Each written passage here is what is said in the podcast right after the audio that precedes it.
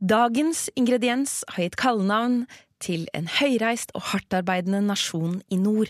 Faktisk så spiser denne nasjonen mest av den i hele verden. Ja, Du tenker på Hviterussland? Nei. Kasakhstan? Hæ? Nei. Kirgisistan? Nei. Nepal? Andreas, det er vi som er potetnasjonen. Nei, vi er ikke det lenger. Vel, dagens program handler iallfall mest om potet og litt om skam.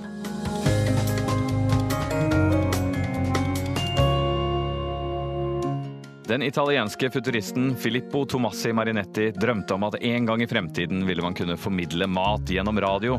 At man rett og slett spiste det man hørte. Og slik har det blitt. Og med dette programmet, som vi har valgt å kalle nettopp Radiomat, skal vi prøve å gi deg spiselig kunnskap. I Radiomat skal vi snakke om matens kulturhistorie, om råvarer, om matens betydning opp gjennom historien og i vår tid. Og vi skal snakke om smak.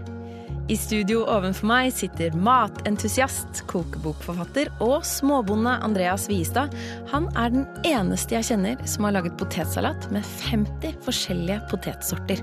Og ovenfor meg sitter matblogger, birøkter og radiomenneske Pia Skjevik, som for første gang i år dyrker poteter selv.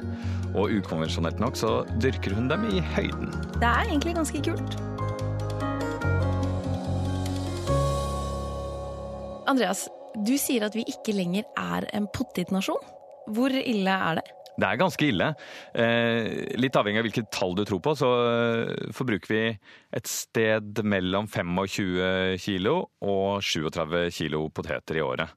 Det høres jo mye ut, da. Hvor Ja, mye spiste ikke vi hvis, før? du, ikke hvis du sammenligner med når vi virkelig var potetnasjon på 1800-tallet. Rundt 1850 så er, er det anslag på at vi spiste rundt 150 kilo per person per år. Og så gikk det nok litt ned, eh, og så var det en, en sånn topp eh, under krigen, hvor man var nødt til å begynne å dyrke mer sjøl. Men eh, det lå lenge liksom rundt 100 kilo, og så kanskje ned på 75 kilo. Og så eh, de siste tiårene så har det gått ganske bratt ned. Og for 15 år siden så passerte vi Italia på veien ned. Så nå bruker vi mye mindre poteter enn potetnasjonen Italia. Ei, det høres ikke bra ut. Men eh, hvor mye spiser et land som spiser mye potet, da? Ja, Hviterussland er jo veldig entusiastiske. Det har jo også ofte med kanskje mangel på andre gode alternativer. Men uh, Hviterussland ligger på rundt 180 kilo. Og en del av disse her eh, Kasakhstan og Kirgisistan og sånn ligger eh, nærmere 150 kilo. Men også sånn Storbritannia eksempel ligger godt over eh, 100 kilo. Så, så vi er langt, langt unna det. Og til sammenligning så er det liksom land som Libanon også bruker da dobbelt så mye poteter som, eh, som oss. Men vi er ikke det landet i verden som spiser minst potet. Det er vi ikke. Vi er nok det landet i Europa som spiser minst potet. Er det sant? Eh, ja, og så har jeg sett på eh, verdensstatistikken, og, og det er jo det er ikke helt sikkert at man skal stole helt, eh, helt på den. Det er noen land som kanskje er litt dårligere på statistikk, men eh, sånn det fremkommer, så, så er det sånn at eh, Den sentralafrikanske republikk eh, bruker minst poteter i verden, og det, det er rundt eh, 280 gram per person per år. Men eh, du skal ikke se bort fra at det kan være litt underrapportering der.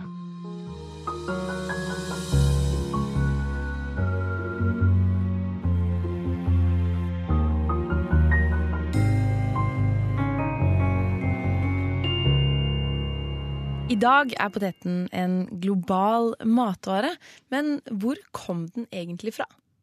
Ja, Den kommer helt sånn spesifikt fra eh, Sør-Amerika, fra eh, Andesfjellene og området der.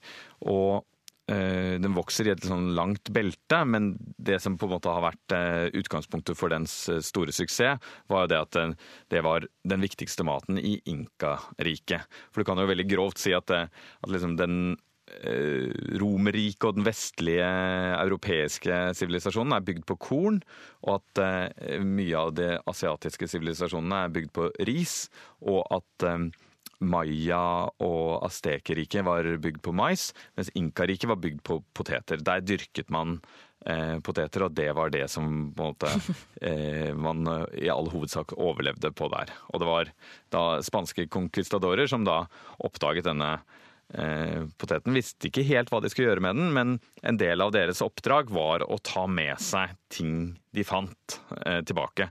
Så det var jo noen som eh, kalte dem trøfler. Disse smakte jo ganske lite til å være trøfler. Hvor lenge er det siden poteten kom til Europa? Den kom ganske tidlig på 1500-tallet, men det betydde ikke at man begynte å spise den. Hva gjorde man med den da? Det var jo litt sånn eh, at man var begeistret for at man hadde oppdaget et nytt kontinent og lagt det under seg. Men eh, man var jo veldig i tvil om eh, poteten i det hele tatt var spiselig, av forskjellige grunner. Det ene var det der litt sånn religiøse, at man tenkte at det står jo ikke om den i Bibelen. Så da kan det ikke være blant den maten Gud mente at vi skulle spise. Ikke sant? Og så var det jo litt det at den, eh, at den vokser under jorda, og det var også sånn eh, en slags sånn oppfatning at det var det jo aller helst djevelens altså Da tilhørte den på en måte djevelen eh, litt mer. Men en mer sånn fornuftig grunn til at folk var litt skeptiske, var at den tilhører søtvierfamilien. Ja. Og søtvierfamilien er giftig. Kan du si noen andre som er i søtvierfamilien? Ja, I Norge har vi jo en plante som vokser vilt, som heter slyngsøtvier. Og den er da også veldig, veldig giftig. Og det som er, hvis du, du, du dyrker potet nå for første gang i år Ja. ja. Men det du vil se, er at, at når du dyrker det, så setter du altså en potet ned i jorden, og så får du et potetris opp. Og hvis du er flink til å vanne den, så vil det blomstre, komme vakre blomster. Og så, der hvor de blomstene har vært, så vil det komme nesten et lite bær som ser ut som en tomat. Og eh, det er veldig, veldig giftig. Så når du har en plante hvor, hvor på en måte det grønne er giftig, blomsten er giftig og frukten er giftig, så blir folk litt redde. Og da hjelper det ikke så mye å si hvis, eh, hvis noen har prøvd det og daua, så hjelper det ikke å si du, du spiste feil ende av planten. Poteten ble jo da først og fremst brukt som en sånn pyntegjenstand i eh, botaniske hager og rike menneskers hager og, og sånn. Og Marie Antoinette pyntet seg med potetblomster, men det er ikke noe grunn til å tro at hun har faktisk spist det. Eh, og, og, så var det overtro da at man sa at eh, den eh, var med på å, å føre til lepra eller pest, eller eh, kunne bære med seg sånne sykdommer. Så utover på 1600- og 1700-tallet så ble det en sånn opplysningsbevegelse eh, som handlet om la oss fortelle folk at dette er en god og nyttig vekst som faktisk er sunn for en. Vi er på full fart inn i potetens opplysningstid, men først, hvor sunn er den egentlig? Den er veldig, veldig sunn. Den inneholder eh, nesten alt eh, vi trenger, så det er mange som har klart seg på nesten bare potet. Hva da nesten? Hva mer trenger man? Ja, jeg har lest et sted at eh, det syns jeg er veldig morsomt, at du kan klare deg bare på potet, litt melk og litt smør. Ah, på potetstappe? Med andre ord. Da tror jeg nok det er ganske viktig at du bruker eh, skallet i, i, i, til potetene også i, i stappa, fordi eh, der sitter jo også mange av næringsstoffene. Men eh, første gang poteten ble servert i Europa, hvem var det som fikk den servert da? Da var det nok eh, som en sånn eh, overraskelsesting eh, for eh, overklassen. Og den ble nok aldri vanlig i kostholdet til overklassen. Du må, kan tenke at de spiste helt sånn sinnssyke ting. De spiste påfugl og, og grillede nattergaler og store kanner med vin. Eh, mens fattigfolk, de eh, spiste en eller annen type graut og hardt brød. Og da var det i hvert fall stadig i opplysningstiden så var det stadig flere som ble opptatt av at eh, man kan ikke ha på en måte et bra land hvis man har en stor del av befolkningen som lever på så lite mat at de er usunne. Og det var da eh, en del av disse vitenskapsfolkene så på poteten som en fantastisk mulighet. Men det var veldig vanskelig å overbevise folk om at de faktisk eh, skulle spise det. Men det var én som, eh, som på langt nær fikk det til? Ja, det er jo den helt utrolige historien om vitenskapsmannen Auguste Antoine Parmentier, som eh, holdt på på slutten av 1700-tallet og begynnelsen av 1800-tallet. Altså både under Ludvig den 16. og under Napoleon. Og han hadde vært eh, holdt i fangenskap i Tyskland i et par år, og da hadde han fått en sånn slags sånn velling som i all hovedsak var laget på potet. Og han bare observerte at han eh, hadde jo ikke egentlig blitt sjuk. Det var jo vanlig med fengselsmat at du ble så sjuk at tennene dine falt ut og alt mulig sånn. Og øh, han fortsatte da å forske på poteten, og begynte da å, å bli en forkjemper for at man skulle spise mer potet, sånn som en del av disse potetprestene var i Norge. Men Parmentier han har, jeg synes, ekstra smart, da. Fordi folk hadde jo da den der troen på at dette her var noe potensielt farlig. Kanskje kunne det til og med gi deg pest og byller og lepra og alt mulig sånn. Sånn type misinformasjon ble spredt, da. Mm. og så var det vanskelig for folk som var av overklassen, til å overbevise vanlige folk om at de skulle eh, ta til seg den nye tingen. Eh, så av og til så var det sånn at man gjorde sånn at du kunne få komme til torget og se presten spise potet, og se at han ikke døde og sånn. Ehm, men da var det jo alltid sånn prestens kone døde seks måneder etter, og da trodde man det var derfor og sånn. Men det Parmentier gjorde, det var at han fikk låne noen eh, åkre. Ja. Og så plantet han poteter, og så satte de opp sånne vakter, sånn kongens vakter sto rundt disse jordene. Og de hadde da eh, fått streng beskjed om at hvis noen kom bort for å bestikke dem, så skulle de ta imot bestikkelser. Og om kvelden skulle de trekke seg tilbake, sånn at eh, vaktholdet rundt disse jordene ble veldig avslappa. Men, men, alt ved deres tilstedeværelse uh, synliggjorde at det var en veldig, veldig verdifull ting som var der. For hvem ellers liksom ville ha et jorde med åtte, åtte soldater som sto og voktet det. Så da begynte naboene rett og slett å stjele potetene. Og sånn ble det introdusert da, blant folk. De var de første innovatørene, disse, disse landbrukstyvene. Så det var rett og slett omvendt psykologi?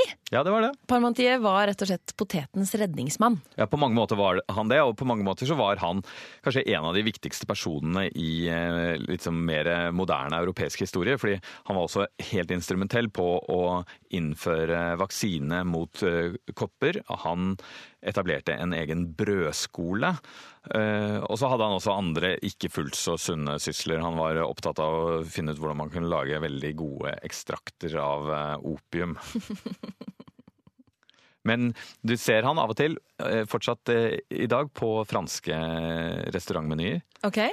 Og det er Eh, interessant fordi det er en slags potetstappe. Eh, du vet shepherd's pie eller andre sånne retter hvor du har litt sånn potetstappe oppå, og så baker du i ovnen. Det heter typisk eh, eh, parmentier. Parmentier vant slaget. Folk begynte å spise potet, og vi så en voldsom befolkningsvekst i Europa. Ja, utover på 1800-tallet så økte Europas befolkning enormt. Og det hadde delvis sammenheng med poteten, men eh, kanskje også mye med nettopp eh, andre av de tingene som Parmentier var opptatt av. Eh, hygiene, kopper. Vi begynte å få piper i hjemmene våre, som betydde at man ikke gikk rundt i røyk hele tiden. men poteten ga mat til en økende befolkning. Og det var noe man så i stor grad i Norge, men man så det aller mest i Irland. Eh, og eh, det som var eh, systemet i Irland, som var ganske grusomt system, egentlig, mm. det var at det var lover mot at katolikker fikk ikke lov til å eie jord.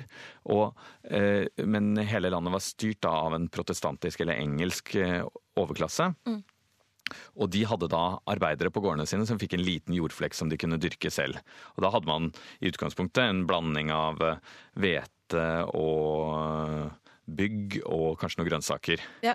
Eh, men når man begynte å dyrke poteten, så var jo det en kjempefin ting, fordi poteten kan gi fire ganger så mange kalorier per kvadratmeter.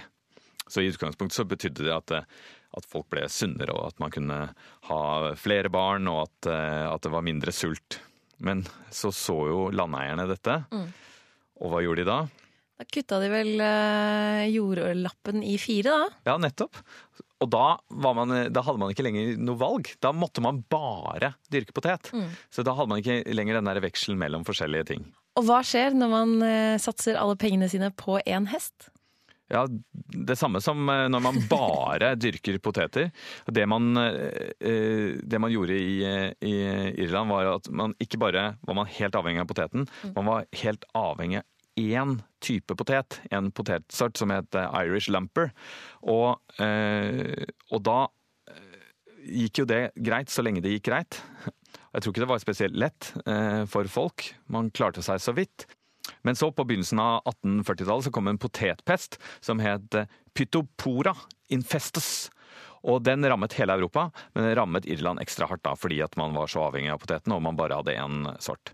Hva skjer når det kommer en potetpest? Ja, da dør plantene hen. Ja. Og, og, øh, og, man har rett og slett poteten i den grad den øh, enten dør riset først, i den grad det er noen knoller under, så er de også da nærmest sånn råtne og ødelagte.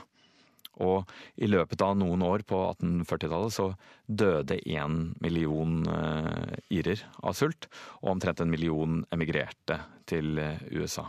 Det er med andre ord helt essensielt med mangfold?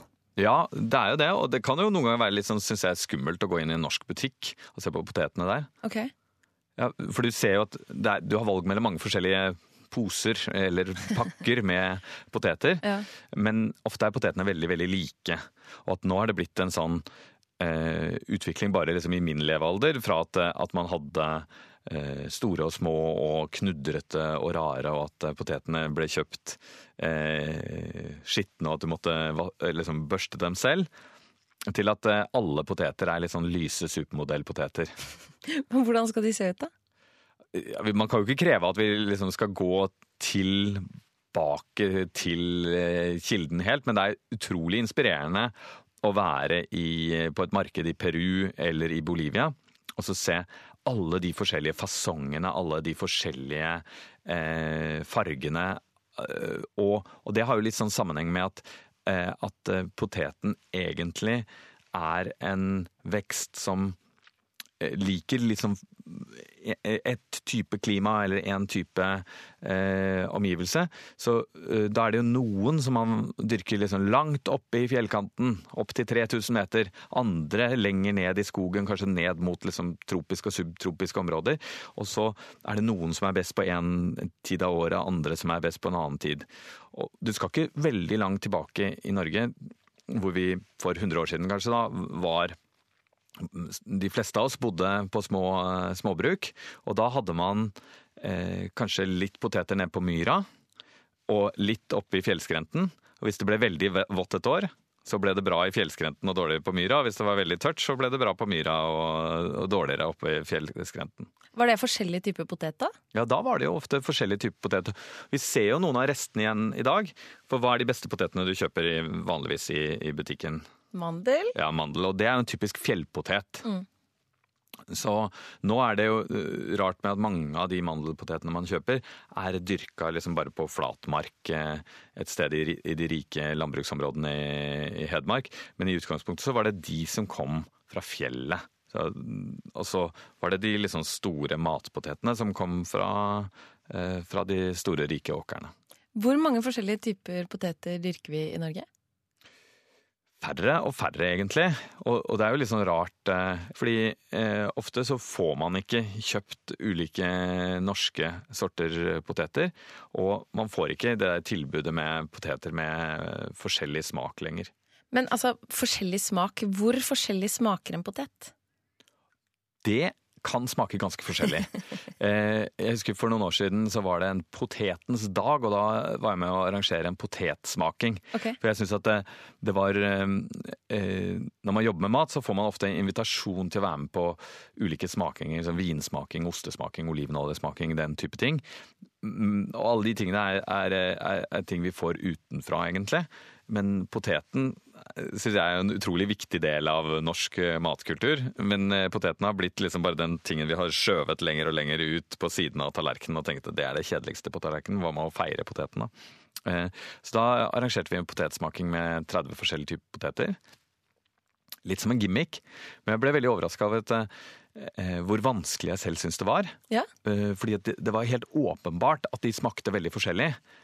Men eh, hvordan skal du beskrive den smaken? For det er ikke bare liksom søt eller salt eller eh, syrlig eller bitter. Det er noen som har litt sånn metallisk ettersmak, det er noen som har en sånn Men det er noe med, noe med den melenheten i konsistensen, det er noen som har en type friskhet, det er noen Det var veldig rart. Da, da så jeg at det, at det var folk som ble stående i liksom tre kvarter og gå runder og begynte å diskutere. Det var veldig engasjerende. Alt fra barn til eh, folk som ellers går på vinsmaking. Andreas, du har vel dyrket poteter, tenker jeg.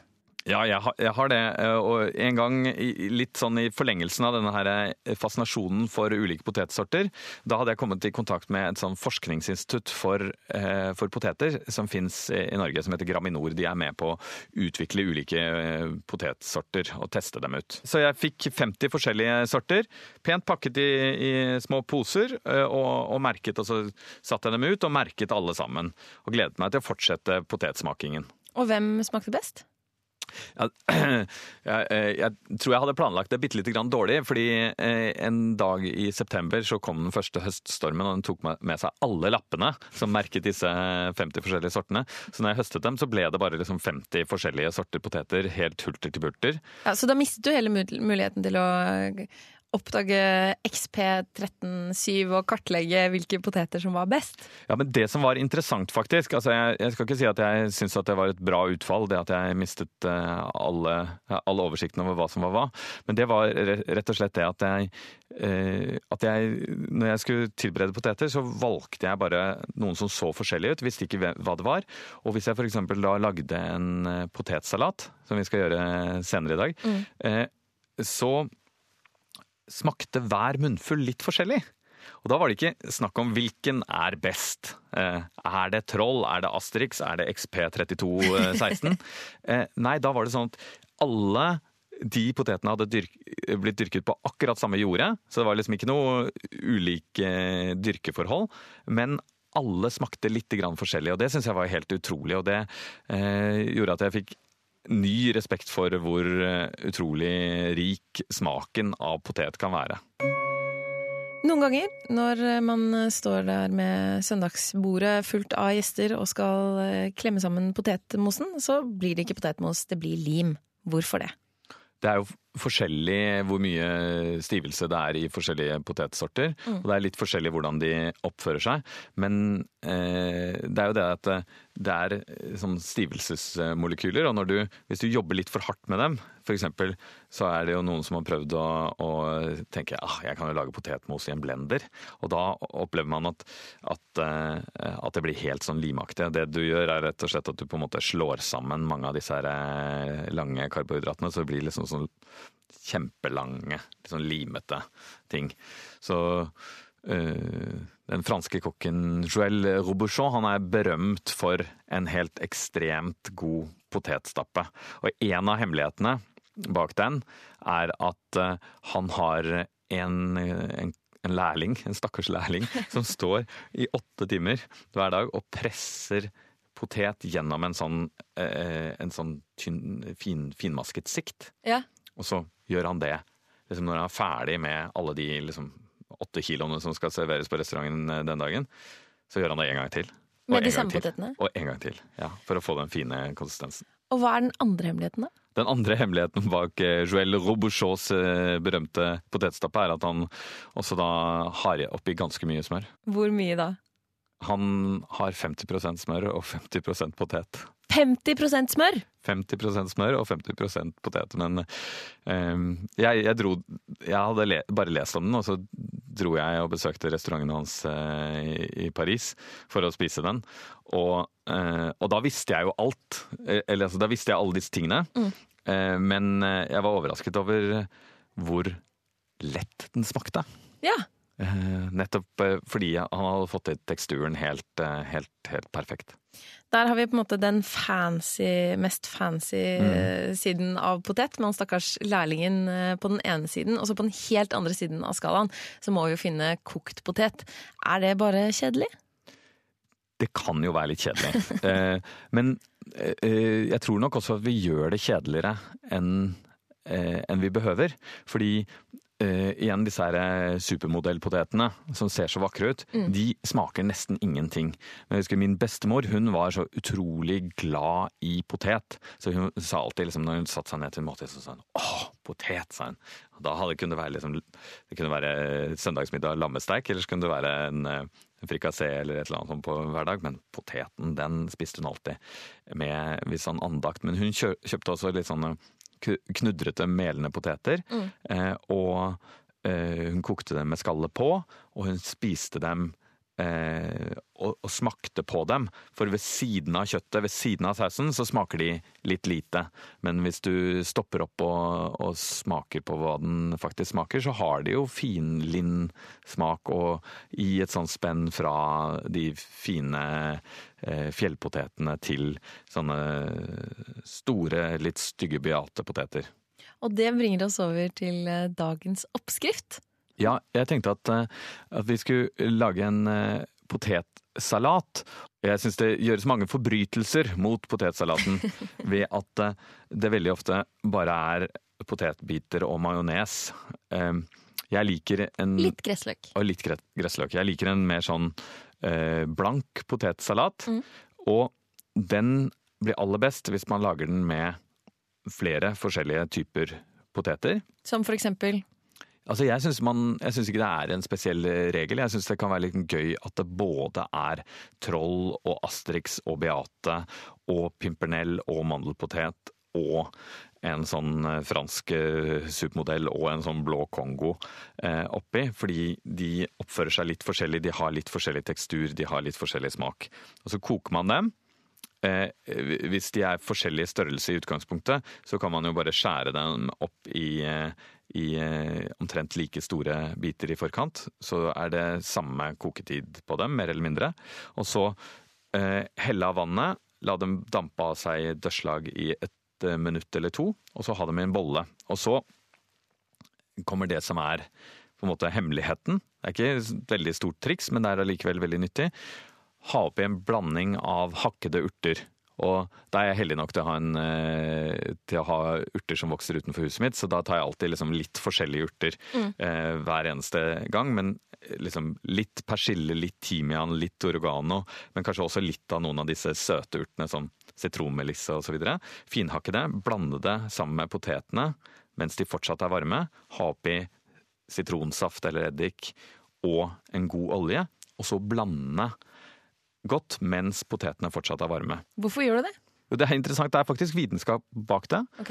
Eh, Jeg ble en gang introdusert eh, for en eh, ung forsker som hadde skrevet doktorgraden sin om blanding av, av poteter i potetsalat. Og funnet er ganske oppsiktsvekkende. Det er Dette her er Det er fantastisk! Er ikke dette nyttig vitenskap? Jeg elsker han! Jeg vil treffe han, jeg også. Ja, vi- vi vil gjerne ha mer sånn vitenskap. Ja. Jo, men poenget er at når potetene er varme, så er det eh, bitte små åpninger i potetene. Ja. Et sånt kapillært system. Så da trekkes den oljen og eddiken med urtesmaken inn. Eh, Smaken av urtene frigjøres pga. varmen i oljen og i sitronsaften, for noen av de smakene er løselig i vann, altså sitronsaft, og noen av dem er løselig i olje. De trekker da inn i potetene, og potetene lukker seg etter hvert som de blir kalde. Så hvis du bare blander potetsalaten med kald, eh, kalde poteter, så trekker ikke smaken inn på samme måte. Ikke bare en veldig god potetsalat, men også vitenskapelig god, og ikke minst veldig sunn. Ja, nettopp akkurat hva doktoren foreskrev. Det var dessverre alt vi rakk av Radiomat denne uken. Men hvis du vil høre programmet igjen, eller kanskje dele det med en venn, så kan du selvfølgelig laste det ned som podkast. Og når du først er inne på podkastsiden din, så må du gjerne gi oss en karakter. Da blir det nemlig enda flere som får stilt sin nysgjerrighetssult på mat. I hvert fall for noen timer. Vi høres igjen neste uke. Jeg heter Pia Skjevik. Og jeg heter Andreas Wiestad.